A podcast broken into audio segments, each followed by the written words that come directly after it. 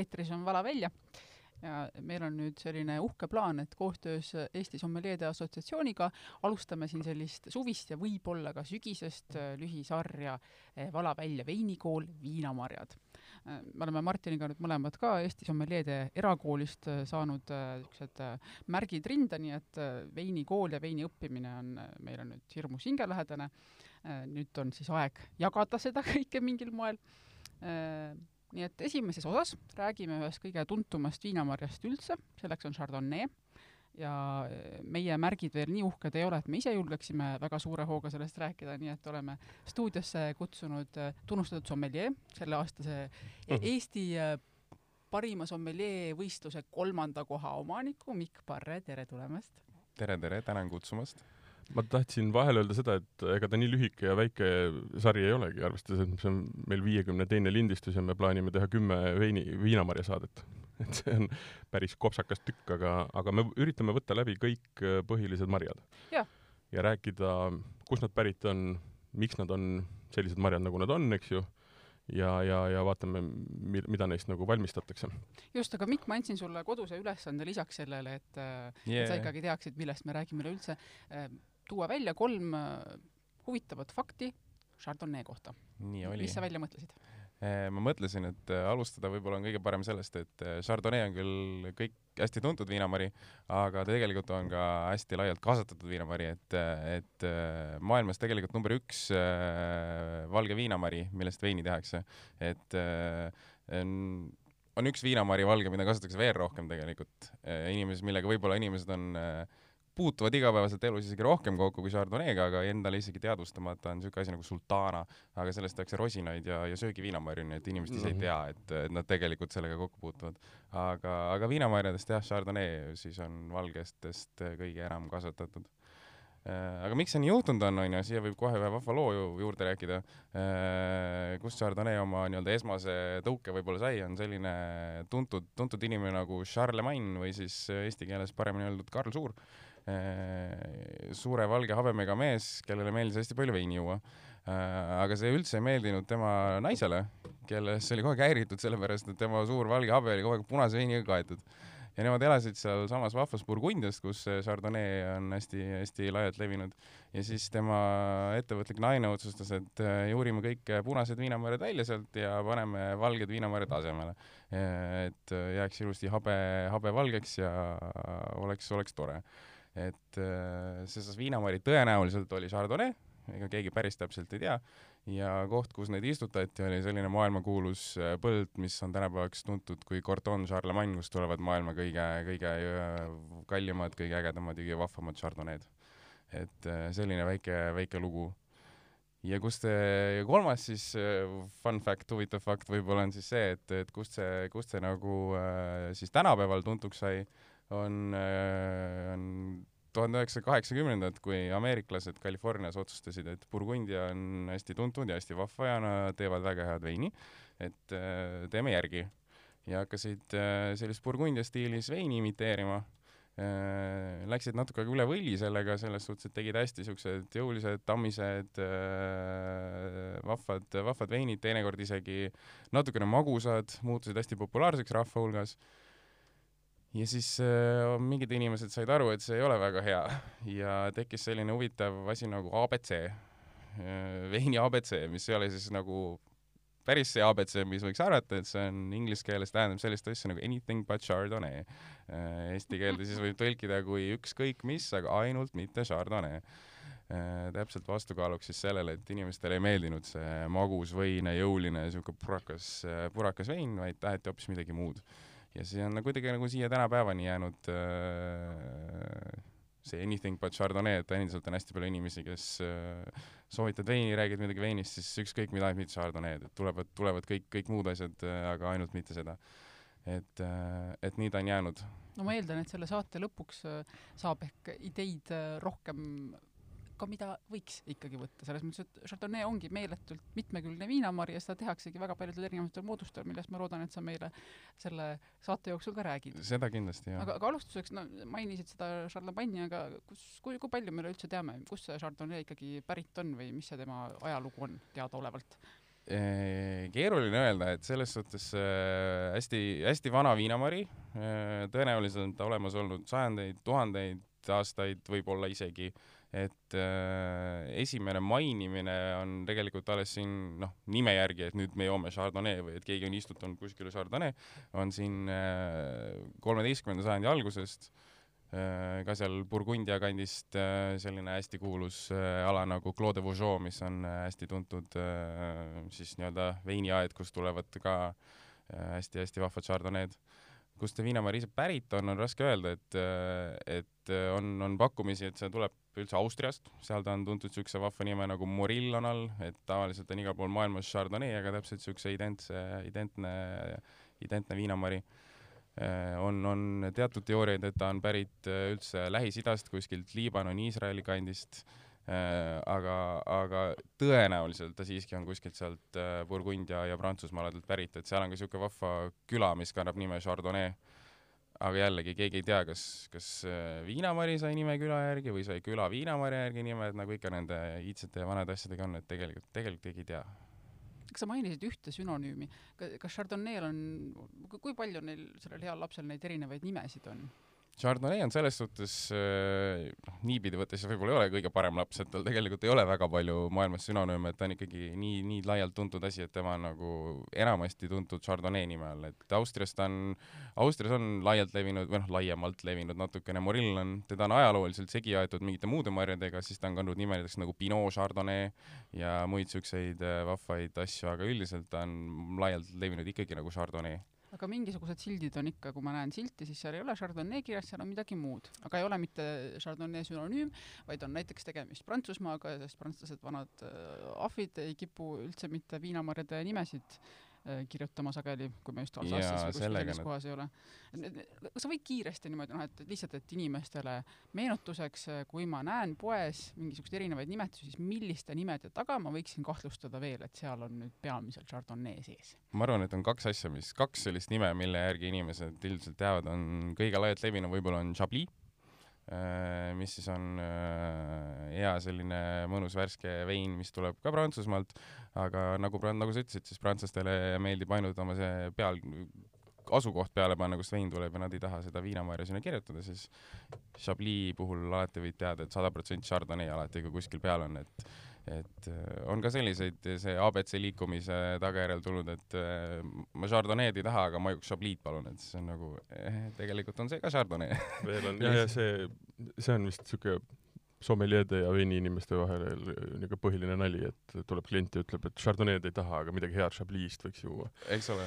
aga no ütleme, see Chablis nime panemine või see on prantslaste sihuke nii-öelda nimetamine, see on umbes sama, et ega me ei ütle ka, et äh, täna esineb teil äh, pikaaegne levimuusika autor Ivo Linna, vaid sa ütled Ifna, selles mõttes, et sa tead, kes ta on ja mis muudik-, muusikat ta nagu mängib, et Chablis'ga on natuke sama asi, et äh, inimesed Prantsusmaal lihtsalt teavad, mille, millest me räägime, eks ju ajalooliselt on oluline olnud jah see, et kuna ju ajalooliselt keegi ei teadnud, äh, mis viinamajadega tegemist oli, seal olid neil põllu peal kasvasid erinevad asjad ja, ja siis nemad tegid sellest veini ja inimesed teadsid ainult, et oh, sellest külast tuleb see äge vein mm. -hmm et hiljem said alles siin kahekümnenda sajandi lõpupoole alles said inimesed nagu geneetiliselt ja DNA põhjal teada, et millest, mis päriselt viinamarjadest me räägime, et ega sellepärast neid nimesid ei ole ka, viinamarja nimesid ei ole nagu tihti pudeli peal olnud. meil on siin mitu erinevat äh, veini ka laua peal, varsti saame otsast neid avama hakata just selle mõttega, et teada saada, millised erinevad stiilid on Chardonnay puhul, aga, aga enne seda, kui me selleni jõuame, siis kas saaksid põgusa ülevaate teha, kust me seda Chardonnay'd maailmas leiame? või noh, selles mõttes ma enam-vähem aiman vastust, et igalt absoluutselt aga... igal pool, kus viinamarju kasutatakse, seal on ka olemas ka Chardonnay. et on selles suhtes selline hästi äh, hästi rahvas- või nagu viinamarja kasvataja sõbralik vein, et ta on hästi-hästi lihtsalt äh, adapteerub igasugustele pinnastele, kliimadele äh,, Äh, teda on hästi lihtne kasvatada selles suhtes, et ta on hästi elujõuline, ta annab hästi palju, hästi palju marju igal pool, et äh, ja noh, nimi on nüüd ka tuntud selles suhtes, et kui keegi tahab kuskil hakata nüüd äh, viina, vein, viinamarju kasvatama, veini tegema, siis Chardonnay on tihti esimene mõte, et see on ka niisugune väike proovikivi, et kui sa suudad ägedat Chardonnay'd teha, siis see on nagu veinimeistri jaoks niisugune hea, hea proovikivi. Kei hüppas muidugi nüüd ühelt küsimuselt teise peale kiirelt üle, aga me rääkisime sellest, et nii-öelda kui ei kirjutata pudeli peale nii-öelda Chardonnay kirjutatakse Chablis, siis on veel tegelikult ju neid nii-öelda on, nimetusi või pudeleid, mille taga tegelikult Chardonnay'd on ja nendest on siis kõige kuulsam mida sa mõtled kõige kuulsam üldiselt ma arvan, et võib-olla Montrachet näiteks on, Mm. mida inimesed peavad äh, kõige kuulsamaks, kui me räägime Chardonnay'st.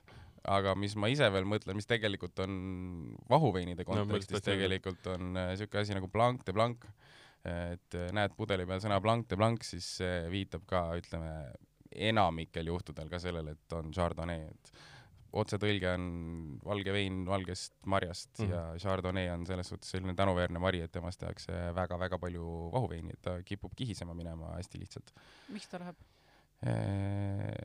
Sellepärast, et äh, viinamarid lähevad kihisema, kui, kui jääb, kui jääb pärmi ja igasuguseid muid asju sinna sisse, et vein on ikkagi elus organism ja ta kipub kihisema minema, et selle, selle tuntud töö tegi kunagi ära selline hästi tuntud inimene nagu Tom Perignon, kes, kes inimesed arvavad, et laia, laia nii-öelda info põhjaselt, et tema nagu leiutas šampanjad või vahuveinid, asjad, tegelikult tema eesmärk oli, üks põhieesmärkidest oli välja mõelda, et miks veinid kihisema lähevad, sest et see inimestele ei meeldinud, et veinid lähevad kihisema. Ja siis äh, tema selgitas, noh, tema nii-öelda uurimustöö tuli välja, et, et Chardonnay on üks niisuguseid marju, mis, mis lihtsalt Mm. oma geneetilise olemuse põhjalt läheb hästi lihtsalt kihisema, et ta tegelikult üritas vältida seda, aga tuli hoopis teine tulemus, et šampanjatega otseselt ei leiutanud, sellest me räägime ikka tavaliselt ka Jaa. Prantsusmaast küll, aga Limoux piirkonnast, aga seal polnud tegemist vist mitte Chardonnay, vaid Mausakiga. just jah, aga ma kahtlustan, et äh, miks ta läheb hästi kihisema, on ikkagi see, et talle jääb mingisugune jääksuhkur või tal on mingisugune nii-öelda suhkru mingi konkreetne vorm, mis äh, ei tee magusaks, aga, aga jääb sinna sisse ja ajab, ajab tegelikult nagu, allub hästi lihtsalt nii-öelda sellele par-, pärmi, jääkpärmile, mis hakkab teda siis nagu mulliliseks ajama. eks need on need koosmõjud jah, selles suhtes Jah. kindlasti, et aga jah, et kui äh, äh, osta šampanjat või vaadata šampanjapudeleid äh, samamoodi ka Cremanti, siis ütleme seda piirkonda mulli, ütleme vahuveine Prantsusmaal, siis ütleme enamasti ikkagi nii-öelda valge mari, mida seal on kasutatud. On ikkagi- Chardonnay. on Chardonnay, eks ju yeah. Blanc de Blanc on siis puhtalt nii-öelda valgest marjast, aga, aga on ka, on ka need, kus on nii-öelda segud ja Yeah. ja noh, see on jah teise, me oleme sellest rääkinud muidugi ka, et et see arvamus, et äh, kui on punane mari, siis sellest saab ainult punast veini, on on võib-olla hästi siuke levinud, aga tegelikult on vale jah, et vahuveinid väga tihti on just niimoodi, muude puhul, muude vaiksete veinide puhul harva, aga vahu, vahuveinide puhul küll, see on Pinot Noir, mis Pinot on muidu punase kestaga, tuleb valge vein, et selles suhtes jah. Blanc de Noir. Aga Chardonnay on selles suhtes mujal ka, mitte ainult Prantsusmaal, ka näiteks Hispaanias Mhm, Cava, mhm, mhm. Chardonnay. Itaalias, Franciacorta, et põhimõtteliselt kui niimoodi võtta, siis Prosecco on ainuke piirkond, kes ei kasuta Chardonnay'd oma vahuveinide tegemiseks nagu laias laastus, et kuskil mujal on ikka alati nagu, alati ta on olemas. Ja Franciacorta on minu meelest selles mõttes jällegi tore siuke vahuvein, et äh, sellel on vist šampanjast isegi karmimad äh, reeglid vähemasti, mis Mhm. puudutab, puudutab siis seal sette peal hoidmist. eile sai maitstud väga head ähm, väga head Trentut, mis oli ka noh, põhimõtteliselt ju väga-väga mõnus oli. ja ka Chardonnay. Jaa, aga, täpselt. aga, aga hakkame mingist otsast niimoodi peale, et me saaksime ise ka aimu, et need, mis need erinevad äh, stiilid ikkagi on, ma arvan, et seda muud moodi teha ei saa, kui läbi maitstes nüüd selle jutu kõrvale. Mikk, ma tean, et et sul on korgitser on taskus. mul on koritsad taskus jah. aga pigem võib-olla korraks mainime selle ära, et ähm, viinamarjade puhul me räägime siis liigist nimega Vitis vinifera, mis on siis see nii-öelda viinapuu, millel kasvavad need viinamarjad, millest tehakse veini ja noh, me rääkisime siin, et kust mis asi võiks pärineda, siis äh, loomulikult kõik räägivad, või tähendab, kõik grusiinid räägivad, et kõik vei-, vei-, viinamarjapuud või viinapuud ja viinamarjad on nii-öelda alguse saanud äh, nende juurest, mis tegelikult ei pruugi nõus, armeenlased ei ole nõus, aga ütleme, me, me suudame nii-öelda panna näpu peale mingile kaardile, kus tegelikult nii-öelda see äh, viinapuu on, on hakanud kasvama, arenema. Ja kui me räägime noh, Gruusias, siis seal kasvatatakse tänaseni mingisugune ligi, ma ei tea, seitse või kaheksasada erinevat, kogus, jah. erinevat äh, viinamarja ähm, ja noh, sealt on ta siis lihtsalt levinud kogu, kogu maailmasse. aga mis see vit- vitis viniferas ikkagi äh, tähendab? poisid, rääkige ära, ma tean, et Eest-, Eestis äh, väga nagu ei kohta, Eestis tehakse viinamarja veini küll, aga nähtavasti hoopis mingi muu asja peal. mis see vahe on? No esiteks tuleb äh, ära mainida seda, et kus ütleme, see viinamari kõige paremini üldse kasvab ja see on puhtalt klimaatiline küsimus, eks ju, kolmekümnenda ja viiekümnenda laiuskraadi vahel. just mõlemal koolist on midagi meelde jäänud. jaa, aga veel olulisem on ju nii-öelda, üks on ka sademed olulised, aga veel olulisem on tegelikult iga, ütleme aasta keskmine temperatuur, mis peab jääma kümne ja kahekümne vahele, eks ju. ja see on nüüd probleem, mis tegelikult noh, Eestis ongi halvasti, et et kui me hakkame vaatama nii-öelda viinamarja ütleme kasvamine märtsi algusest kuni oktoobri lõpuni näiteks onju, siis me ei saa mitte mingil juhul nii-öelda seda noh, kümmet kuni kahtekümmet kraadi seal kätte, et jah, praegu on väljas noh, homseks lubatakse näiteks kolmkümmend kaks kraadi, mis on nagu natuke liiga palju isegi, aga keskmist sellist ilusat nii-öelda mõnusat äh, temperatuuri me nagu kokku ei saa. et sellepärast Eestis näiteks kasvatatakse, on, on kloonid. Eestis on kloonid jah, et äh, või noh, isegi on selle asja nimi võib-olla õigem öelda hübriid, ma arvan. hübriid jah. Et äh, selles suhtes, et kui kloon, noh, kui me üldse räägime, siis on Chardonnay on ju, mis on, mis on sort, Mhm. et laias laastus võib võtta niimoodi, et kui sa paned äh, seemne mulda, tuleb sealt taim välja, siis see on sort, see on Chardonnay laias laastus, kui sa paned nii-öelda Chardonnay seemne sinna mulda ja noh, ajalooliselt nagu ikka, taimed äh, paljunevad, putukad teevad oma tööd ja ja tulevad uued taimed, geneetilised muutused juhtuvad, asjad arenevad, tulevad uued sordid. Aga viinamarja puhul on see, et noh, sa tahad ikka oma sellest klaasist ju leida nagu Chardonnay'd, mitte mingit muud äh, või, või ükskõik mingit muud viinamarja, siis seal on nagu inimene natuke nagu vahele astunud, et äh, ei lase loodusel oma rada käia ja et tekiksid kogu aeg uued sordid, üritatakse hoida ikkagi kogu aeg sama sorti ja siis tehakse siukseid äh, kloonitakse põhimõtteliselt taimi, et võetakse väiksed osad taimest või väikseid rakukesi, et tehaksegi kloone. Ja selle põhjal, selle põhjal tulevadki, hoitakse kogu aeg nii-öelda Chardonnay'd, eks see ka nagu geneetilised muutused juhtuvad ka kloonimise puhul selles suhtes, et mingid asjad juhtuvad, tulevad natukene, natukene erinevad Chardonnay tüübid, mõned võib-olla sobivad äh, natukene paremini kuuma kliimasse, mõned natukene külma kliimasse, aga tuleb ikka Chardonnay. Ja kus need hübriidid mängu tulevad, on see, et äh, et Vitis vinifera on ainult üks viinapuliik, et tegelikult on siin kuuskümmend viis, kui ma ei mäleta, kui ma õigesti mäletan, et üsna palju neid erinevaid viinapuliike, millest lihtsalt siis üks on see, millest tehakse seda põhiliselt äh, meie joodavat veini. ülejäänud on nii-öelda söögimarjad. ülejäänud on kas söögimarjad või siis täitsa siuksed metsikud Mhm, puud, et mhm. ilupuud ja kõiksugu muud asjad. Aga jah, aga kuna nagu sa enne ka rääkisid, et kliimad on külm, tegelikult see Vitis vinifera on siuke sooja, soojalembeline yeah. puu, et ta ei taha, et seal oleks väga palju miinuskraadid ja ta ei taha ka, et oleks siuksed troopilised temperatuurid, et ta on hästi siuke hästi-hästi nõudlik oma tingimuste suhtes, siis kui sa ristad omavahel näiteks, võtad sellesama Vitis viniferaga näiteks, paned ta kokku ähm, Vitis äh, ribaria või Vitis rabruskaga näiteks, mis siis on kas, kas siis Aasiast või, või, või ka Põhja-Ameerikast, mis on näiteks külma kart-, külma nagu taluvamad rohkem, siis sa saad hübriidi. Ja hübriidiga on juba see hea, et see kannatab nagu paremini, võib kannatada külma paremini, võib kannatada paremini niiskust ja igasuguseid muid asju, et, et selle põhjal ka Eestis tehakse täitsa viinamarja veini, aga enamasti ongi siis Tehakse, nende jah. hübriidide põhjal. hübriidid nagu Rondo Silga ja kas Solaris on- Latki, Solaris ka jah. Solaris on see, millest on siiamaani kõige paremad näited vähemasti, mis ma ise olen jaa, nagu just, just, just. proovida saanud, et nii, aga tagasi Chardonnay juurde. nii, meil on nüüd Esimene- äh, üks- klaas üks-, klaasis äh, üks. asi veel No. no., mille ristand on Chardonnay? millisest kahest äh, marjast on ta tulnud? üks on hästi kuulus viinamari nagu Pinot Noir. Chardonnay'd nimetatakse Pinot, Pinot perekonda kuuluvaks äh, taimeks, et ta on sealt oma juured saanud.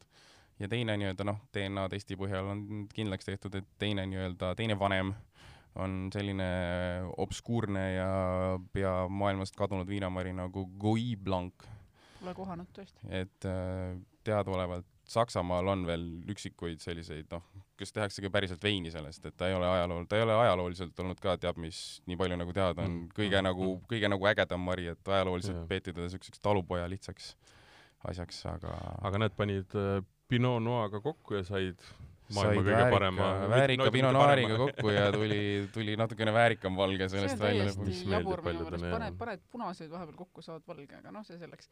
nii, aga me oleme nüüd siis, jõudsimegi alustuseks Chablis äh, juurde, aga kõigepealt enne kui me sellest konkreetsest veinist räägime, kas, kas Chardonnay'l kui marjal on mingisuguseid siukseid eriomasid asju ka, et noh, et kui ma mõtlen Chardonnay, kas ma peaksin mõtlema mingisuguste kindlate äh, lõhnade, maitsete peale? Chardonnay on selles, sellel, selle, sel puhul nagu selline natuke nagu võib-olla mitte tänuväärne vari, et kui sa mõtled, et kuidas Chardonnay maitseb, siis, siis seda on väga raske öelda, sest et ta on oma olemuselt viinamarjana üsna neutraalne. Et tal ei ole selliseid, teab mis, ta ei ole teab mis aromaatne, tal ei ole väga siukseid tugevaid omadusi, et ta kipub, kipub, kipub pigem nagu eri- erinevad, niisugune nagu kameelion põhimõtteliselt või nagu valge paberileht võib öelda ta kohta ka natuke. pime degustatsioonil äh, tavaliselt, kui ma aru ei saa, mis pagana lõhnat Kirk Chardonnay on ju. et selles suhtes jaa, talle meeldib, meeldib igasuguseid asju, talle meeldib hästi kaasa võtta veini valmistamise tehnoloogiaid hästi välja tuua või talle meeldib näidata pinnast ja kliima olemust, aga see, mis ta ise on, on niisugune nagu noh, üsna neutraalne, et alati noh, tuntavalt tavaliselt siuksed õuna, õunased noodid ja, ja võib-olla siin tsitrused ja sellised asjad on talle endale nagu omased, et siuksed primaarsed aroomid, et, et, et äh, tihti. aga enamik oma olemusest Chardonnay saab, saab sellest, mis, kus ta kasvab, mis, mis temaga tehakse, et selles suhtes ta on siuke hästi hea veinimeistri jaoks siuke super, super viinamari, et sa saad näidata, noh, sellepärast ka see, et miks see on Chablis, mitte Chardonnay. Et äh, ta näitab, näitab Piirkonna seda olemust, pinnast ja Mhm. seda, seda kliimat ja kõike seda vahvat asja, mis Chablis tuleb, et et kui sa paned siia võib-olla teise viinamarja, mis on hästi aromaatne ja hästi iseloomulik, siis ta jääb see nii-öelda Chablis olemus jääb kaduma, et sellepärast see ongi ja noh, kui sa mõtled näiteks, võtame Uus-Meremaa, sealt edasi Austraalia, liigume sealt näiteks Argentiinasse, sealt edasi Tšiilisse ja need on täiesti erinevad joogid. täiesti sada protsenti ja kuna klimaatiline olukord, võib, võib arvata, et me oleme ikkagi nagu lõunapoolkeral samas selles, mis me rääkisime, kolmkümmend kuni viiskümmend laiuskraadi, aga noh, olukord on täiesti erinev selles mõttes, et mis iganes äh, tuuled äh, ja nii-öelda puhuvad, mis, mis, kui palju on sademeid, kas oled nii-öelda mäe all või mäe peal, eks ju. jah, mis pinnas seal on, kas ta, kas seal on niisugune nagu Chablis on äh, hästi niisugune nende äh, mis ma, mis see sõna nüüd on, mis ma otsin, selles suhtes selline savi, kruu sa mõtled, noh? jah, põhimõtteliselt selline hästi need on need molluskite ja nende rohke siuke jaa., siuke Mhm. pinnas, mis annab hästi siukest vahvat mineraalsust ja muid asju, et mm, Mhm. -hmm. et kui teinekord panete kuskil graniidi peale kasvama, siis ei ole mitte midagi seal. oota, aga räägime siis, mis, mis seal Chablis toimub, mis, mis on siis see eripära, mis sealt pinnasest ja kliimast meieni tuleb? kui me räägime Chablis, me räägime siis Burgundia täiesti põhjas, põhjas. Burgundia täitsa, täitsa põhja, põhjatipp jah, loetakse teinekord isegi täitsa eraldi piirkonnaks, et ta on tegelikult nagu Kaalub lähemal ta on lähemal hoopis muudele piirkondadele kui sellele põhiburgundiale selles suhtes. mis sealt siis tuleb? ma, seal tamm, tammevaati vist kasutatakse küll, aga mitte niimoodi, et ma selle tammevaat mi- minu peast nagu üle lööks, kui ma selle veiniga kokku puutun. jah, üldiselt kui sa vaatad Chablis, siis sa võid nagu eeldada, et seal äh, sama nagu hea näide, mis meil siinsama sees on ka, et äh, mida me siin vaikselt mekime. et äh, hästi selline värsked, mineraalsed äh,, siuksed rohelised, värske, värske olemusega veinid tulevad sealt, et et võib-olla kui inimene on harjunud nimega Chardonnay, siis see ei ole, mis talle esimese asjana pähe tuleb, et ta on siuke võib-olla muidu olnud harjunud siukse jõulisema, kreemisema, tammise asjaga, siis siit tulevad üldjuhul täiesti risti vastupidised, siuksed hästi värsked, hästi särtsakad äh, mineraalsed veinid, nagu ka see. Martin, sinu, sinu käes on pudel, ütle, mis sa näed seal, mis seal peale on Mm. kirjutatud? Favelier Bro- Brocard, see on kaks tuhat üheksateist äh, Chablis ehk siis Chardonnay marjas Chablis toodetud vein ja kõik see, mis sa just rääkisid, on jah, ma tunnen ka, aga tal on ka siukest õlisust. tal on natukene, natukene siukest äh, jah, kerge, kerge kreemine tekstuur on tal Mhm. täitsa olemas, et see ilmselt tuleb siuksest asjast nagu malolaktiline fermentatsioon mis on siuke tehniline, tehniline termin, kui minna sinna, kuidas õunhapetest tehakse piimhapped, läheb natuke siukseks värskust läheb Võiseks. natuke võiseks natukene see Jaa. olemus jah, lähevad natukene pehmemaks asjad, sealt tuleb ka selline see on muide vegan vein, vegan mis, mis, mis, mis, mis ei ole ka alati iseenesestmõistetav.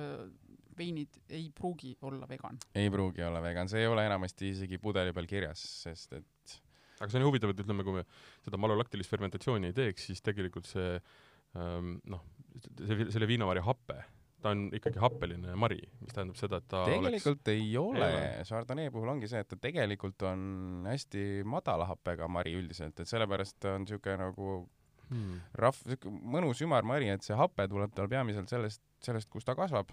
No jah. et seal on täpselt selline lubjakivine molluskite rohke pinnas, kust, kus ta seda nii-öelda aluseline pinnas, mis teeb veini happeliseks, kõlab naljakalt, aga keemia.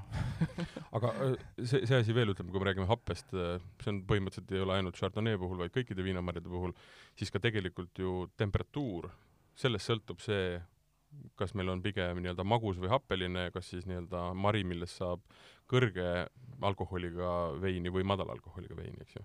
absoluutselt, et jahedas kliimas äh, saab vähem päikest, vähem, vähem areneb viinamarjas suhkruid, suhkur tõenäoliselt või noh, teadaolevalt teeb äh, rohkem alkohoolseks, rohkem siuksest lopsakaks asjad, siin on natukene sellisem värskem olemus, et nagu ilmale, ilmale vastavalt selles suhtes, et tulevad Chablis ka ja jahepiirkond tulevad äh, siuksed särtsakad, hapelisemad veinid, mida põhja või mida kuumemasse kliimasse me liigume, siis ta läheb selliseks, noh, muutub hoopis teistsuguseks, see Chardonnay mari, et siis ta läheb selliseks troopilisemaks, marjasemaks, mahlasemaks, et äh, muutub täiesti oma, täiesti oma iseloomust, et võtab kõik selle kliima endasse kas sa teed meile väikse sissejuhatuse Chablis'e ka, selles mõttes, et kõik äh, ei ole sugugi mitte ühesugune, seal on üks asi ja teine asi, milliseid Chablis'id Eestis saab? ma mõtlen, miks ma seda küsin, on, on sellepärast, et mina ei ole näiteks siin näinud, Chablis'id võivad areneda ka pikalt, aga Eestis üldiselt vanemate äh, aastanumbritega Chablis'id mina ei ole väga kohanud no inimestele meeldib ära juua vein hästi noorelt, et äh, Eestis? ja üleüldiselt, ka Eestis ja igal pool mujal ka, selles suhtes, et ei ole palju seda luksust, et sa saad äh, inimene, kellele meeldivad vanemad küpsenud veinid, siis äh, tihti ei juhtu seda, et sa saad seda nii-öelda, pead ikka muurad ja värskelt jooma, et Chablis puhul ka, lihtne Chablis selles suhtes on, on hea värskelt juua, et teda ei ole ka mõtet liiga kaua, ütleme, kuskil keldris hoida. aga noh, Chablis on ka selles suhtes tänuväärne, et lihtsaks, lihtsale Chablis'le lisaks on meil olemaski siin Premier Cru Chablis ja Grand Cru Chablis, et siin näiteks noh, need on sellised, mida võib äh, pikalt keldris hoida ja mis lähevad huvitavamaks ja neid pannakse ka tammevaati teinekord, et, et siin Grand Cru Chablis, et nad on lihtsalt oma olemuselt nii võimsad ja, ja, ja iseloomukad, et nad kannatavad ka. kõrgem märk, mida kõige saab seal kandis anda. et on jah, Chablis jagunebki, on, kui seda küsida, on Petit Chablis ehk siis väike Chablis, kõige sellisem lihtsam, mida, mis on tegelikult, tehakse küll kõige rohkem, aga Eestis, noh, Prantsusmaalt ta jõuab välja nagu pigem harvem, et see on kohalik, kohalik, kohalik selline lihtne, lihtne jook, mida nad seal ise joovad siis on lihtsalt Chablis, mis on kõige laialt levinum, selline taskukohasem inimesele ka kõige sellisem laiem spekter. Premier Cru järgmine tase, mis siis on parematelt nõlvadelt, parematelt põldudelt, äh, sellised iseloomukamad, vahvamad veinid ja siis päris, päris lõpus on meil siis Grand Cru, kus siis on seitse kuulsat äh, aeda ühe künka või paari, paari künka otsas üksteise, üksteise kõrval seal Chablis, Chablis küla kõrval, kust tulevad äh, need kõige-kõigemad sellised äh, jah, võimsad, väärikad mis hinnaga ma, mis hinnaga ma saan Eestis kätte mõistliku Chablis? ma arvan, et poest sellise liit-, lihtsamad või noh, selles suhtes täitsa, täitsa mõnusalt joodavad kuskil äh, viieteist, kahekümne euro vahemikus, ma arvan, odavamad leiab ka odavamalt ja kindlasti leiab ka kallimalt. aga kui ma lähen sinna uhkesse piirkonda Chablis'e ja mõtlen, et üks Grand Cru aia vägev Chablis kuluks mulle ära, siis kui pikalt ma pean selleks raha koguma? ei pea väga palju raha kuluma, Chablis on selles suhtes natukene nagu ka selles suhtes tänuväärne, et see nii-öelda üleminut, see ei lähegi väga kõrgeks seal, ma arvan, et juba hea Grand Cru Chablis, eriti kui sinna Prantsusmaale koha peale minna, seal kohapeal saab juba kahekümne euroga, ma arvan, täitsa kenasti ühe Grand Cru Chablis kätte, et meil on siin jah, neil on omad maksusüsteemid, transpordid jäävad ära, vahelt kasvud kõik jäävad ära ja, ja, ja on hästi mõistlik selles suhtes. ja hästi äge pileteid äh, prantslaste puhul mulle väga meeldibki see, eriti nende piirkondade puhul, et äh, kui sa mujal on niisugune hekslemine, noh, sa pead ikkagi, kui sa tahad mingi, mingist pilti saada, siis on see võib-olla väga-väga niisugune keeruline, noh, et tehakse väga paljudest erinevatest marjadest väga erinevat veini.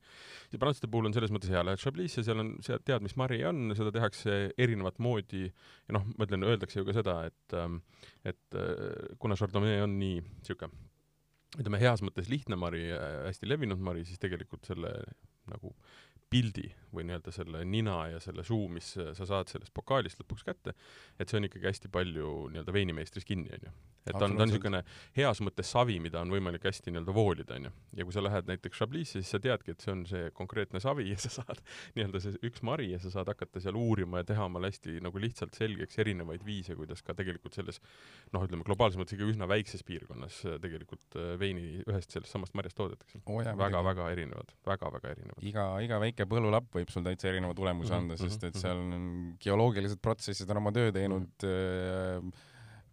kümme meetrit äh, ühele poole või teisele poole võib sul olla erinev, erinev pinnas, mis mõjutab erinevat moodi seda viinamarja ja tuleb sul täitsa teistsugune asi, et selles suhtes noh, laias laastus on, stiil on sama, sa võid eeldada, et sa saad siit äh, mõnusa, värske, hästi hea mineraalse joogi, aga siuksed väiksed detailid on nagu hästi-hästi seinast seina, et hästi erinev. aga kuule, oota, ma küsin vahele ühe asja veel.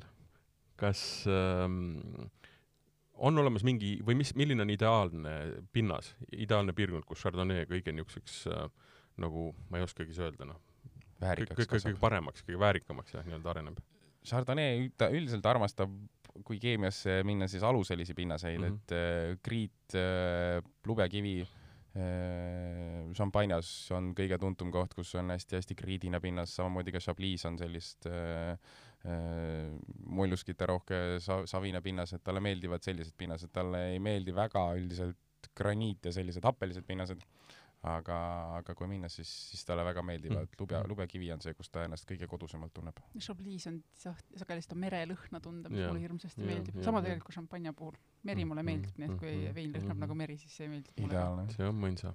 aga läheme edasi, mis meil on veini veel ju. ja me saame veel stiile läbi rääkida, aga ma ei teagi, mis sul seal kuskil ma lähen otsin kohe. ühesõnaga, see, see Chablis, mis meil on Pagalis, on hästi niisugune mõnus, kerge, lilleline, aga samas temas ei ole mingisugust, ütleme, ta on niisugune hea hea joogivein, mis sobib ka tegelikult päris mõnusalt ähm, noh, ütleme, ta on, ta on ka gastronoomselt väga hea vein. kolmteist koma viis volli, päris kange. ta sobib hästi toitude juurde ähm,. ja nautimuse aga... märk on peal, see tähendab seda, et ma saan teda kivikust. jaa. kui enne seda, kui äh, ütleme, asi läheb veini tegemiseks, kas, kui sa võtad, ütleme, selle Chardonnay marja ja paned ta omale suhu siis äh, sa oled seda teinud, tead sa, mis maitsega, mis maitsega see on, kirjelda? ma ei ole täitsa sada protsenti Chardonnay marja ise suhu saanud panna äh,. aga üldiselt äh, veini viinamarjad kipuvad olema mitte nagu nii maitsvad ja mahlased kui need, millega me poest oleme harjunud. Äh, aga kui ta on mõnus, küps, äh, heas kohas, siis ta on lihtsalt selline hästi endiselt magus kuna ikkagi suhkrut on sees mm. ja, ja tuleb selline hästi mõnus värske hape sinna ka juurde, et noh, mm. mida sa võib-olla nii-öelda söögiviinamarjast ei oota, tahaksid mõnusat magusat äh, tunnet, siis viini viinamarjast tuleb selline hea happeline, siuke hea hap, värske hape ka sinna juurde kõrvale, et kui ka värske. et mõnusal suvepäeval on neid palju mõnusam krõmpsutada, ma arvan. mis me, mis me nüüd katsetame, kas me jääme Prantsusmaale ja vaatame sealt mõne teise stiili üle või läheme kuhugi täitsa vastassuunda, sest ma vaatan, et sul on ikka kolm veini on veel. mul on kolm veini veel, jah. täitsa erinevad mandrid. Äh, ma arvan, et võib-olla on hea siiasamasse Prantsusmaale jääda, et võtame hästi klassikalise näite siia kõrvale, mis siis ongi Burgundiast. selline äh, jälle piinamarja pudeli peal kirjas ei ole, nagu prantslastele meeldib. Neid asju teha on siin selline sõna nagu rui ehk et me liigume geograafiliselt nüüd natukene lõuna poole, mitte liiga palju. natuke lõuna poole jah. kirjutatakse rulli. rulli jaa. tulevad hoopis mingisugused suvelaulud meelde rulli, rulli et jaa, see on siis siuke klassikaline Burgundia äh, vein, see, mida rohkem inimesed võib-olla mõtlevad ka Chardonnay pähe, et kui nad äh, mõtlevad oma peas, mis on Chardonnay, siis see, mis siin sees on, peaks äh, meenutama seda, mida nad arvavad. ehk siis see vein on äh, Tammevaadis laagerdunud, kaksteist kuud, kui ma ei valeta. Eel, sealt... eelmine ei olnud, eks ju? eelmine oli täitsa ilma Tammevaadi laagerduseta ja, ja aga palun räägi siis kohe ära ka, mis see Tammevaadi laagerdus õigupoolest äh, ühe veiniga teeb, mis, mis on need lõhnad, mis, maitsed, lõhnad, mis tekivad pärast seda? Tammevaat annab juurde selliseid, äh, ta muudab kõige rohkem tekstuuri, ma arvan, selles suhtes, et ta annab siia mõnusaid siukseid kreemiseid, äh, kreemiseid noote ja, ja kui me maitsest räägime, siis siia tuleb kindlasti juurde selliseid äh, äh, noh, vaniljeseid ja vürtsikaid natukene noote, natukene sellist äh, võisust, teinekord ka natukene niisugust pähkli asju. nahka ma tunnen. vähe, aga kergelt kuidagi mulle. natuke võib-olla küll, jah mm.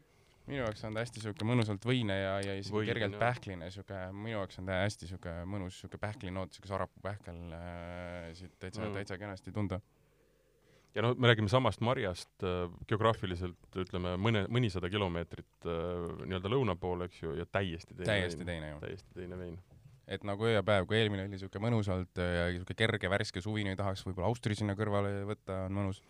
See on ja tsitrused nüüd on, nüüd on jah pähkel siis siin on, siuke tõsi, tõsisem siin on juba. jah, niisugused küpsed õunad ja ütleme luuvilju natukene tunda siin, virsikud, aprikoosid ja, ja siuke hea pähklinoot siia kõrvale. vaati on selles mõttes jah tunda läbi nende samade aroomide, mis sa maitsesid või mainisid, et ähm, ta, ta selgelt on mingi teine nii-öelda layer mingisuguseid aroome ja, ja põnevusi juures, eks täiesti teine, et see on jah, kuidas, kuidas see Burgundia väljaspool Chablis siis äh, jaotub, noh, selles mõttes, et Burgundias peamiselt äh, tehaksegi Chardonnay'd valgetest Pinot Noiri punastest, aga just Chardonnay ko- koha pealt, et ku- kus ta siis pigem on, ta ongi seal põhja pool, lõuna pool? Chardonnay kipub olema natukene lõuna pool, et kui see nii-öelda see päris äh, Côte d'Or, see kuldne, kuldne mäeküngas seal on pigem reserveeritud Pinot Noirile, siis sealt natuke, mida lõuna poole läheb, seda, seda nii-öelda Chardonnay poolsemaks ta läheb.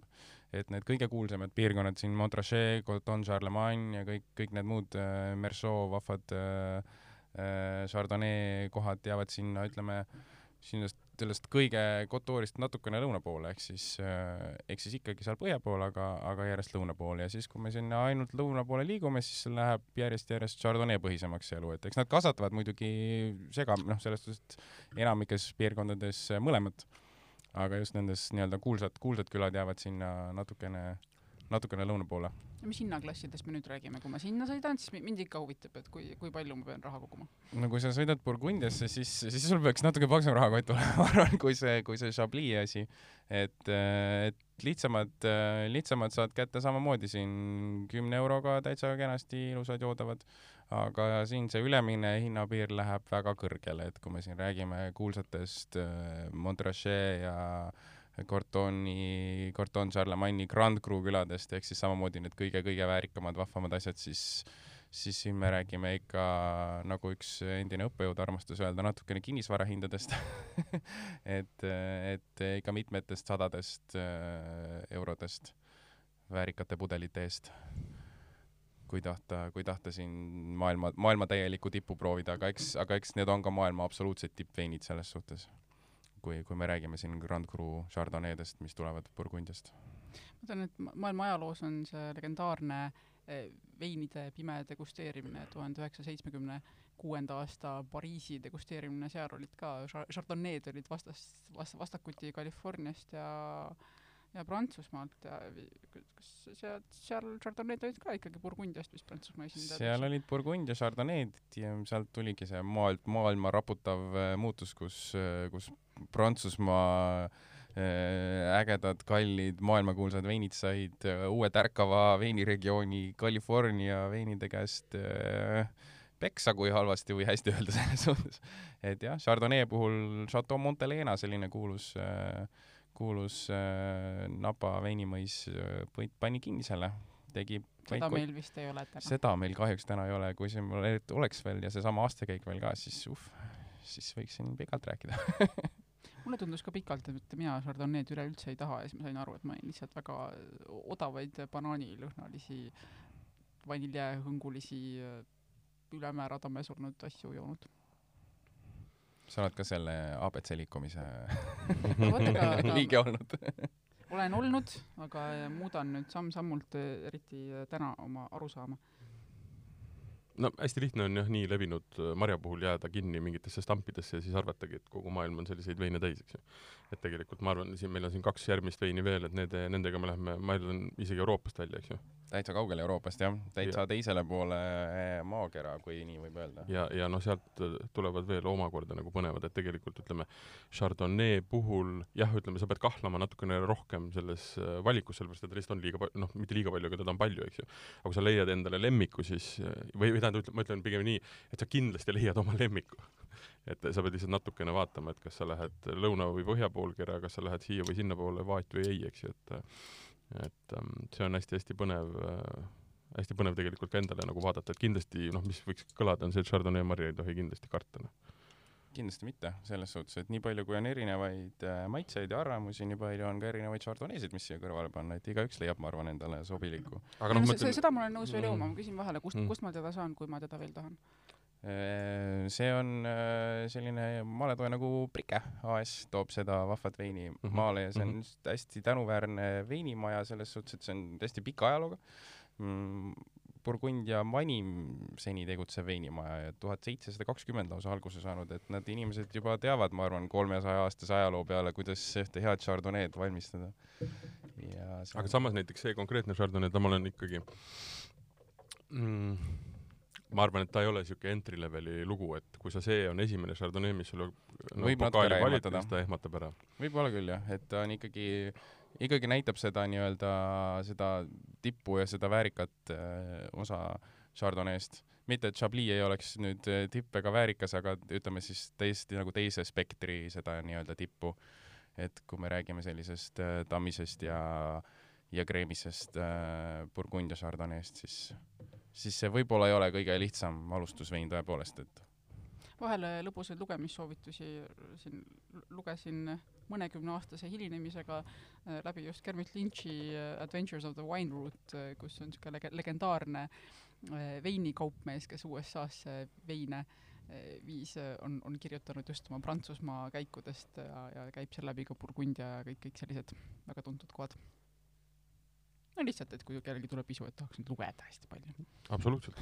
suvi on, on lugem-, põhiline lugemise aeg, uute, uue informatsiooni talletamise aeg. see oli kaheksakümnendate lõpp, nii et ma arvan, et see, teda nagu infoallikana võib olla õige pisut aegunud, aga täiesti suurepärase mõtlemise keelekasutusega tegelane, kes minu meelest täitsa vist veel tegutseb mm tuntud, kena Chardonnay klaasi kõrvale ju väga hea lugeda. nii, mis meil kolmas vein on, nüüd me läheme vist äh, nüüd me sõidame lõunasse, lõunast Euroopast kaugele, on niisugune koht nagu Lõuna, Lõuna-Aafrika.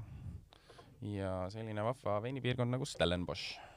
üks Lõuna-Aafrika kõige kuulsamaid äh, veinipiirkondi, natukene selline jahedam, rannikuäärne ala. mis see, mis see Lõuna-Aafrika mõistes tähendab, jahe? Lõuna-Aafrika mõistes jahe, kui muidu on ops Äh, räägime, räägime sarnastest temperatuuridest nagu Burgundias põhimõtteliselt, ehk siis Euroop-, euroopalikud temperatuurid, mitte Aafrikale omased sellised äh, äh, kõrbe soojatemperatuurid. et ma arvan, et see vein on natukene sarnane oma olemuselt ka kui see, mis, mis siit Burgundiast tuli pigem on minu jaoks täiesti teine täiesti teine vein. see on ikkagi magusad mm., küpsed minu jaoks on põnev pigem just see, et noh, et mida Lõuna-Aafrika Vabariigis teatakse, on loomulikult eriti kärtsud pinotaažid, eks ju. absoluutselt. mis on siuksed noh, esimese asjana löövad sul punane nagu, vein Lõuna-Aafrikas aretatud. ja löö-, lööb sul nii-öelda äh, noh, kõigepealt hambad sisse, eks ju, siis kõrvetab keele aga siuksed võimsad onju yeah.. aga tehakse ka väs- väga siukseid ähm, elegantseid ja mõnusaid valgeid, eks ju, et võib-olla ei arvagi, et, et sealt piirkonnast on, aga tasub, tasub kindlasti ka see on nagu mull, mullinäts või limonaad lõhnab, ma veel maitsnud ei ole. ta on jälle siuke nagu jaa, nagu hästi, jälle järgmine selles suhtes äh, tõlgendus seda, kuidas võib Chardonnay'd teha, et noh, ta jääb oma olemuselt sinna temperatuuride poolest äh, võib-olla Burgundia lähedal, aga samas ikkagi päiksepaistelisem ja jah, ja siis tulevad, siit tulevad need äh, troopilised, mõnusad siuksed magusad mahlased äh, noodid välja, mis siis tuleb nagu omasem natukene, natukene soojemale, soojemale kliimale selles suhtes. neliteist kraadi ka loen sealt välja. jah. hästi selline lopsakas, aromaatne, siuke lilleline. arust ikka mullinätsu versioon Chardonnay'st aga oi, see libiseb mõnusalt, oi, see libiseb mõnusalt, kui see eelmine äh, Rui oli noh, sihuke istud maha ja mõtled natuke, eks ju, sest et see vaat ja kõik need layer'id, mis annab erinev äh, nii-öelda toimetamine, eks ju, siis see on sihuke hea lõbus vein, istud kuskil jahutatuna, istud äh, terrassi peal ja seda läheb pudelite kaupa, et kaks tuhat kakskümmend, aga, aga ega teda vist, seda, seda vist nagu ei maksa ka säilitada, eks ju? mõned aastad. väga palju jah, mõned aastad ta säilib kindlasti, kui kohe ei taha ära juua, aga, aga aga ma ei näe põhjust, miks aga miks on ju, kui see on nagu ülihea, lihtsalt joome kohe, ilus suvi väljas äh, mis, mis nad seal Lõuna-Aafrikas tavaliselt, kuidas nad äh, käitlevad äh, Chardonnay'd? on, on seal ka mingi selline levinud stiil või ma, ma saan lõuna-aafriklastel ei ole seda ajalugu, et alustasime aastal tuhat seitsesada ja siis minu vana-vana-vana-vanaisa tegi samamoodi veini, et, et nad vist Üldiselt... lubavad endale rohkem igasuguseid Neil on nagu vabadust rohkem jah, et neil ei ole kirjas äh, piirkond, noh, selles suhtes sellist nii-öelda, et Chablis ajalooliselt on nüüd niimoodi tehtud, siis nemad saavad teha, mis nad, mis nad põhimõtteliselt soovivad. et noh, üldiselt ju noh, loetakse uueks maailmaks siis seda, seda ala siis kõik, kõik, mis on Euroopast väljas laias laastus, loetakse uueks maailmaks, siis nemad Nendel on rohkem vabadust, et nad kipuvad sellist jälgima, jälgima Burgundia stiili rohkem kui siis nagu Chablis stiili laias laastus, ehk siis nad, neile meeldib ka tammevaati kasutada rohkem aga, aga muidu on nagu vabadust palju, et, et võib keegi teha niisugust supervärsket äh, kerget chardonnay'd ilma tammelaagerduseta ka, aga laias laastus ma arvan, et peaks pigem eeldama seda, et äh, uuest maailmast tuleb selline äh, lopsakam äh,, marjasem ja tihti, tihti tammelaagerdusega vein. et ta jääb oma olemuselt sellise kahe vahepeale, et, et kui niisugust väga-väga jõulist, väga purakat chardonnay või seda burgundiat äh, ei taha ja natukene niisugune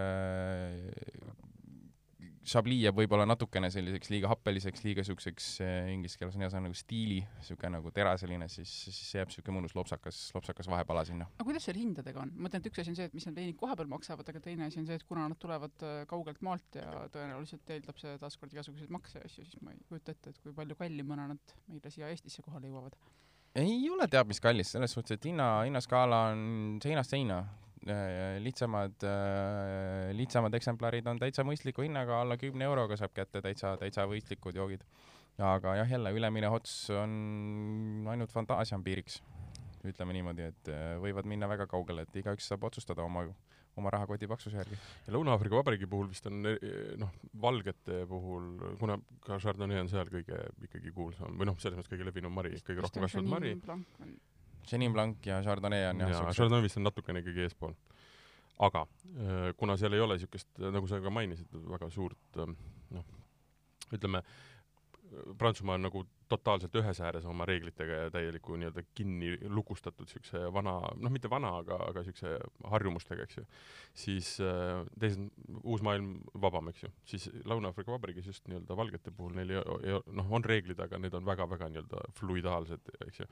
et, et sa saad äh, isegi kui sa vist Stellenbosch, Stellenboschist oli see, eks ju? Stellenbosch, just. et kui sa, kui sa ka sealt erinevaid tootjaid maitsed, siis nad võivad olla totaalselt erinevad veinid, eks ju. Neil ei ole nagu niisugust oma konkreetset stiili, nagu on võib-olla noh, mõnedes teistes piirkondades, mis on lihtsalt kuidagi uue maailma pikema, pikema arenguga olnud. tootja nagu määrab palju rohkem, et see mm. on selles suhtes, aga samas uue maailma on jälle sellepärast tänuväärne, et nemad panevad alati selle viinamarja sinna peale kirja, et et noh, kui sa oled, oled, ütleme juba kuskilt Lõuna-Aafrikast Chardonnay'd joonud, siis sa nagu tead, et tuleb jälle Chardonnay, et sa oled natukene noh, ikkagi oskad neid asju kui viinamari on tuttav, siis selles suhtes see on, on nagu lihtsam neid asju võib-olla järgida, et siukse mm -hmm. noh, kes jaksab neid kõiki Prantsuse külasid ja muid asju endale pähe õppida, eks ole, et see teeb asjad nagu väga keeruliseks siis oo oh jaa, äh, enne eksameid proovisin, väga raske. siis, äh, siis jah, uues maailmas on enamasti, enamasti alati viinamari on kenasti peal, siis sa oskad vähemasti orienteeruda, et sa tead ja, nagu, oskad enam-vähem teada, mis seal pudeli sees on, et ma rääkisin, lihtsalt vahemärkusena, ma rääkisin ühe, ühe prantslasega, kes ütles mulle, et issand, Burgundia, see on ju nii lihtne. Ma ütlesin, et no muidugi, sa ju elad seal. ta ütles, aa jaa mm -hmm,, okei okay. kui sa ikkagi elad kuskil piirkonnas, siis sa tegelikult ka mõistad seda, mis see, mis see loogika on, eks ju, et et mis on need piirkonnad, mis on need nii-öelda me räägime siin väga konkreetsetest põldudest, eks ju, et samamoodi, et noh, mul on maakodu Käärikul, ma üsna tunnen igat teed seal. ilmselt küll, on ju. aga kui ma hakkaksin, ma ei tea, rääkima teile sellest, siis sa vaataksid mulle ka otsa nagu nagu, nagu, nagu millest jah, millest ma räägin, eks ju, et, et, et, et mis, mis see, kuhu ma selle jutuga tüürin, on see, et tuleb kohale minna ja seal lihtsalt uudistada. pilt klaarub hoopis, eks ju me oleme nüüd neljanda veini juures, kuhu me nüüd omadega jõuame? nüüd me jõudsime jälle teisele poole maakera, nüüd me oleme Tšiilis mm. omadega eh,. Limari org eh,, Põhja-Tšiilis üks põhjapoolsemaid piirkondi peaaegu Atacama kõrbes. ja jälle Chardonnay, ka imet.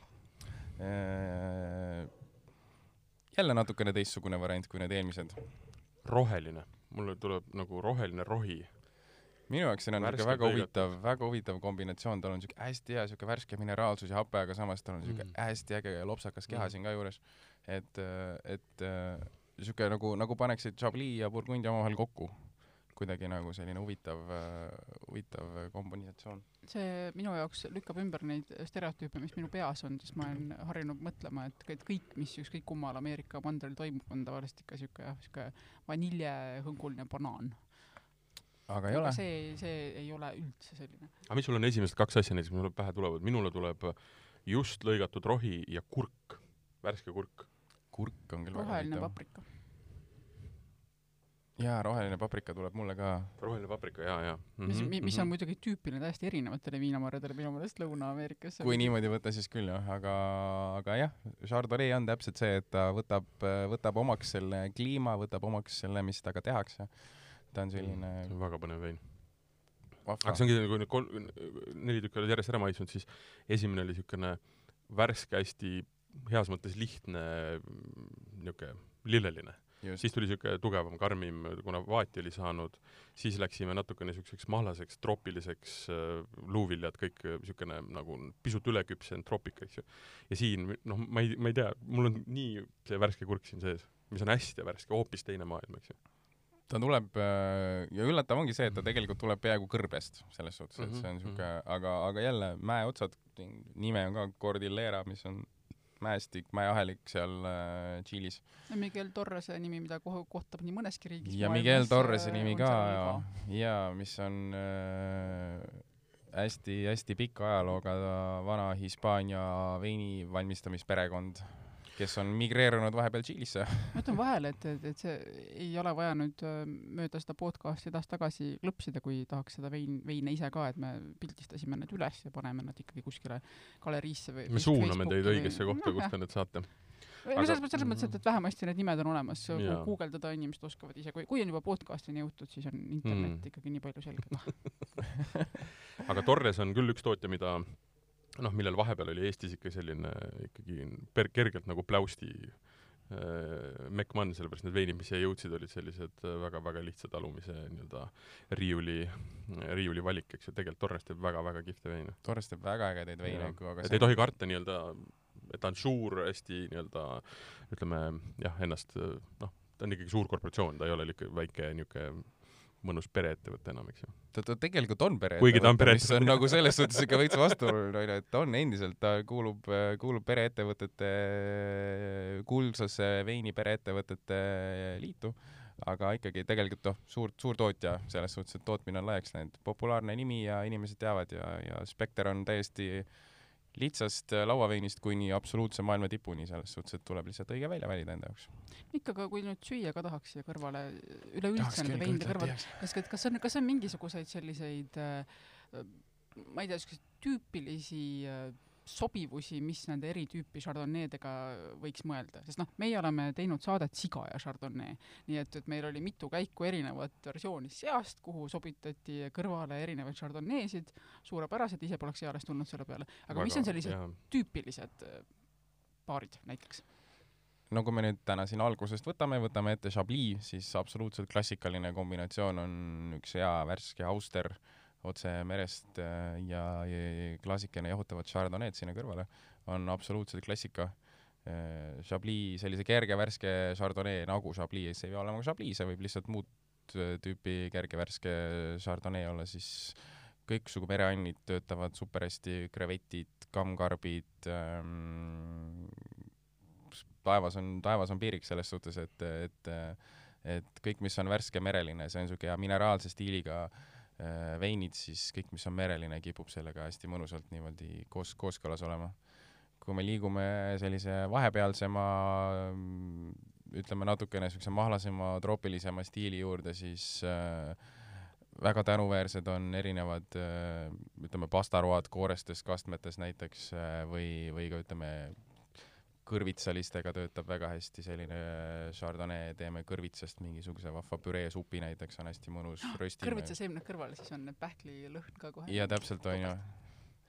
ja, ja, ja kui me räägime sellisest äh, mõnusast täidlasest kreemisest Chardonnay'st, siis noh, Homar on, Homar ja, ja Burgundia käivad omavahel nagu küll nagu käsi käsikäes selles suhtes, et selline mõnus võine, kreemine vein ja siuke hea äh, võikastmes äh, Homari saba sinna kõrvale paneb, paneb mulgi juba jutu peale suu vett jooksma jah, tõmbame nüüd joone alla, lähme otsime seda homaari.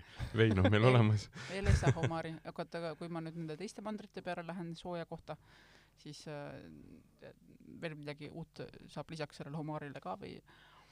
jaa, selles suhtes Chardonnay on absoluutselt äh, kana, röstitud kana läheb väga hästi alati kõiksugu äh, ütleme grillitud, eriti kui see on niisugune lopsakas äh, marjane või puuviljane, siis äh, kõik, mis on grillitud, sealiha, nagu sa ütlesid, grillitud sealiha, ma arvan, töötab väga kenasti.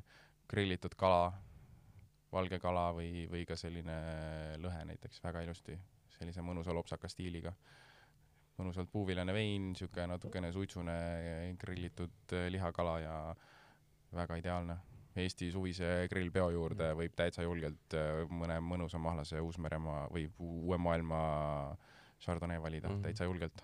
minu poolt viimane küsimus, kui äh, Chardonnay need erinevatest versioonidest mõni või kõik hakkavad meeldima, siis mis oleks sellised teised viinamarjad, mis on sarnased, mille poole ma võiksin vaadata ja avastada, et ka need mulle meeldivad sellisel juhul? See on hea küsimus ma arvan, et Pinot perekonna teised viinamarjad, näiteks siin Pinot Blanc, millega teda on ajalooliselt ka segi aetud, on kindlasti, kindlasti tänuväärne selline kaas-, nagu alternatiiv. Saks-, Saksamaal kannab nime Weissburgunder, mis võib olla nii-öelda Eestisse nagu rohkem isegi olemas kui, kui Pinot Blanci nime all. Chenin Blanc samamoodi on oma olemuselt võib-olla selline teat-, teatud stiile kenasti, kenasti ühilduv, et äh, kip-, kipub olema niimoodi, et Chardonnay, Chardonnay'le leiab alternatiive hästi-hästi palju, et sõltub täpselt, mis, mis stiili me nagu vaatame, et et kui me võtame siin kerge värske Chablis, siis äh, miks mitte kas või Alva, Alvarinho äh, Hispaaniast, mõnus värske mineraalne kaaslane, kui me räägime niisugusest äh, suurest purakast, siis äh,, siis, siis jälle teised alternatiivid, et et Chardonnay on nii laia spektriga, et katab kõik ilusti ära. ma just tahtsin öelda, et see ta on nii, nii levinud, et äh, kas tal on vaja nagu alternatiivi, eks, et sa lähedki nagu mujale. et kui Aga sa oled see jah. ABC liikumise esindaja, siis, siis sa pead leidma alternatiivi endale.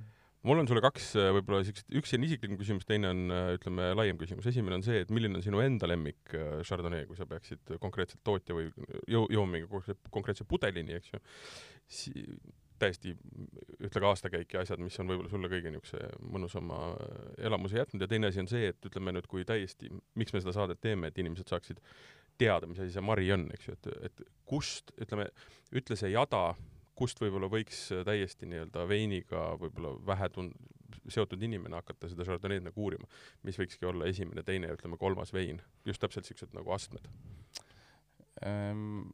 Ma arvan, et võib-olla selles suhtes kõige nagu lihtsamini lähenetav äh, Chardonnay, millest alustada, ongi võib-olla sellised äh, mõnusad marjased lopsakad uue maailma Chardonnay'd, millest võiks noh, kui rahakott, rahakott äh, kannatab või selles suhtes, et saab, saab valida niisuguse mõnusa soodsa, soodsa alguse, et uus maailm on selles suhtes ka tänuväärne, et, et saad valida endale vastava hinnaklassiga toote. et see on niisugune hästi lihtsalt lähenevad tõenäolisemalt kui tundub, et see on nagu sobiv või, või vastupidi, ei ole sobiv, siis näiteks noh, mina läheks siit edasi siis Chablis peale mm. või sellise muu kerge värske stiili peale, et on niisugune ka lihtsam, lihtsamini võib-olla arusaadav. ja, ja siis, kui tundub, et Chardonnay on ikka hästi vahva ja väga meeldib, siis võib vaadata juba selle Burgundia poole natukene rahakotti võib-olla ka laiem, laiemale tõmmata ja proovida neid tõeliseid maailma tippe ära selles suhtes. ja kui sa küsid, mis mu enda lemmik Chardonnay on, eh, siis noh, ma arvan, et siiamaani äh, Joseph Truhani äh,, Joseph Montrachet äh, tõenäoliselt on, mis mulle kõige suurema nii-öelda mulje on jätnud, see on siis see õnnetu, õnnetu teise koha vein sellel äh, kuulsal Pariisi hindamisel. Äh, mitte küll kahjuks seda Pariisi hindamise aastakäiku, nii et mul see võrdlus jääb ära, aga, aga ma olen sellist natukene, natukene, natukene küpsemat äh, veini saanud, mis tol hetkel oli kaks tuhat kaks aastakäik, umbes selline kümme-kaksteist aastat äh, vana. ja see oli küll selles suhtes, et kui sa näed, kui mis nende, et et kui see ikkagi nagu areneb ja keldris seisab selline võimas vahva, vahva Chardonnay, siis, siis mis tast, mis tast saab selles suhtes, et see on tegelikult väga äge veini, veiniinimese ja, ja ka üldse veinisõbra jaoks äh, näha neid mõnusaid kergeid seeneseid, muid põnevaid noote, mm. mis sellest veinist välja tuleb, on tegelikult väga äge ja siuke tunne, et see vein oleks võinud veel kakskümmend aastat kuskil keldris seista, veel oma aega oodata, et natuke siuke jah, väga hea värvilt tõmbanud kergelt niisuguseks pruunikaks juba väga tumekollaseks, eks ju. kergelt, jaa. et me oleme ju, eeldame, et see noh, enamus need, nagu me rääkisime, värsked Chardonnay'd me joome ära siis, no joome ära nad värskena, et siis nad on siuksed hästi heledad, needsamad neli siin, mis me mis me ka maitsesime, on siuksest üsna niisugusest heledast kuni kerge siukse nagu ma ei tea, ma ei oska öelda, kas see on päiksekollakani lähevad need värvid onju, Merevaigu kollane merevaigu kollane, eks ju, et, et, et ei ole väga sügavad toonid, sest need on noored. Nad on kõik noored, värsked, jah. ilusaks veel ja, ja, ja. aga sellest saab pildi ette, et kui mõni neist tundus, et nagu täpselt, lähed ostad äh, poest uue pudeli ja paned endale kolmeks aastaks Mhm, keldrisse ja mhm, vaatad, kas mhm., kas läks veel ägedamaks või, või mitte, et see on siuke hea katsetamine, mängimine. kui teil on kelder, pange aga, ei ole nagu probleemi, et tuleb, tuleb põnevaid, on, on võimalik arendada küll äh, seda marja ja sellest marjast tehtud veini. aga tõmbame siis vaikselt otsad kokku. selline oli äh, esimene osa meie alasarjast Vala välja Hmm. veinikool Viinamarjad. Viinamarjaks oli Chardonnay külaliseks äh, Mikk Parre, aitäh sulle ja aitäh ka Eesti Sommelierde Assotsiatsioonile, kes meid siin äh, toetas selles ettevõtmises, muuhulgas äh, sinu siia tu- stuudiosse ajamisega. küll me oleksime juhtus, sinuni ka jõudnud mingil hetkel, vedanud su siia ka muudel tingimustel, aga väga meeldiv.